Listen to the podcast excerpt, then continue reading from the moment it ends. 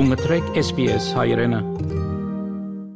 The Victorian elections are over, and as promised last week, I'll continue my discussions about the election results with Dr. Zareh Ghazarian, Senior Lecturer in Politics and International Relations at Monash University.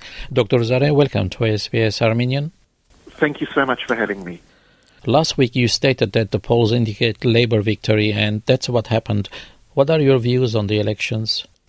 The election over the weekend uh, in Victoria returned a Labor government, and they will be governing with a relatively strong majority. At the moment, the Labor Party is forecast to pick up around about 52 seats out of 88 seats in the lower house. This is a net loss of three seats, um, where uh, at the 2018 election, Labor performed very strongly, and many commentators thought that it, it couldn't get stronger than that for the Labor Party. There has been a bit of a dip in Labor's support. Ultimately, they were able to win a very uh, comfortable majority, and the election night really, uh, we found out very soon after the polls closed that Labor was back in power. As you mentioned, Labour returned to power, however, with uh, slightly few seats. So, who succeeded in winning the seats? Mm. It's been an interesting result um, where we see the Greens Party in Victoria pick up one additional seat. Um, and this is a, a good result. Um, it, and um, the Greens' primary vote also went up um, slightly.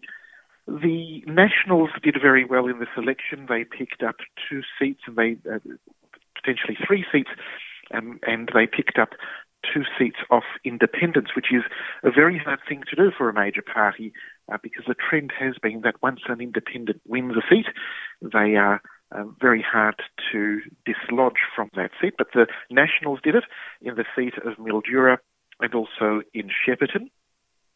And when we look at um, what happened in terms of seats changing hands, not many changed hands, um, but those seats that the Liberal Party needed to win, especially in um, southeastern parts of uh, Melbourne, such as Ashwood, um, such as Glen Waverley, um, seats like Mordialloc and Carrum, they just couldn't win.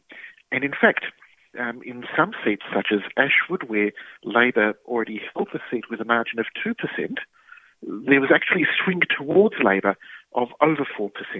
So it was a very strong result for the Labor Party in terms of winning seats, even though in some areas voters voted against Labor, but ultimately that didn't matter. In terms of the number of seats, Labor did very well. I think the Liberals lost some key seats. The Liberal Party, um, yes, the seat of Glen Waverley, which was um, a, a, seat that was expected to have been won by the Liberal Party, that um, went to Labor. So that was a very big and very important loss for um, the Liberal Party. Having said that, the only positive that we can see in terms of where the Liberal Party actually won the seat was the seat of Nepean. Um, and that was the seat that was contested by tennis champion Sam Groth um, in Victoria. Um, other seats that the Liberal Party lost, we mentioned Glen Waverley, but also uh, Bayswater as well. Again, that was expected to be a Liberal win, but there was close to 5% swing to the Labor Party, and Labor seems to have won that seat now.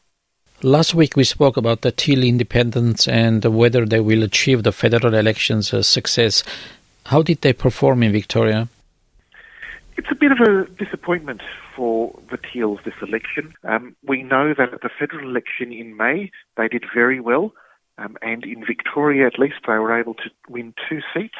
Um, one, of course, defeating um, Josh Frydenberg, who was then the Treasurer of uh, Australia. At this election, it was uh, a bit weaker. While there was a swing towards the independent in the seat of Kew, which has traditionally been a, a Liberal seat, um, they were unable to, to really make any inroads. And um, I think when we look at this election, we are reminded of how difficult it is for new parties and new candidates to win seats off established parties.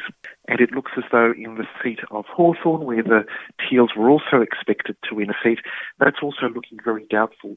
Um, and at the moment, the Liberal Party is ahead in the count, um, as the Liberal Party is ahead in the count in the seat of Mornington as well. Uh, against an independent. So overall, it wasn't a very strong result for the Teals. Will the postal votes make any difference? The postal ballots will um, come in over the coming days. Um, voting will still continue on. But the trend, I suspect, has been set. And while there may be slight changes in votes, um, some of these electorates um, look very certain as the as the leading candidate um, looks set to, to be returned. I think when we look at the trend that we've seen in opinion polls leading into the election, they were all pointing to a Labor win. And the last poll that came out just before the election essentially um, forecast the actual result. It was the final result um, at the moment is around about 54% to Labor, 46 to the coalition on a two-party preferred basis, giving Labor that very important and very significant lead when it comes to the seat count. Dr. Zareh, thank you for the interview and your views. Thank you so much for having me. Our guest was Dr. Zareh Ghazarian, Senior Lecturer in Politics and International Relations at Monash University.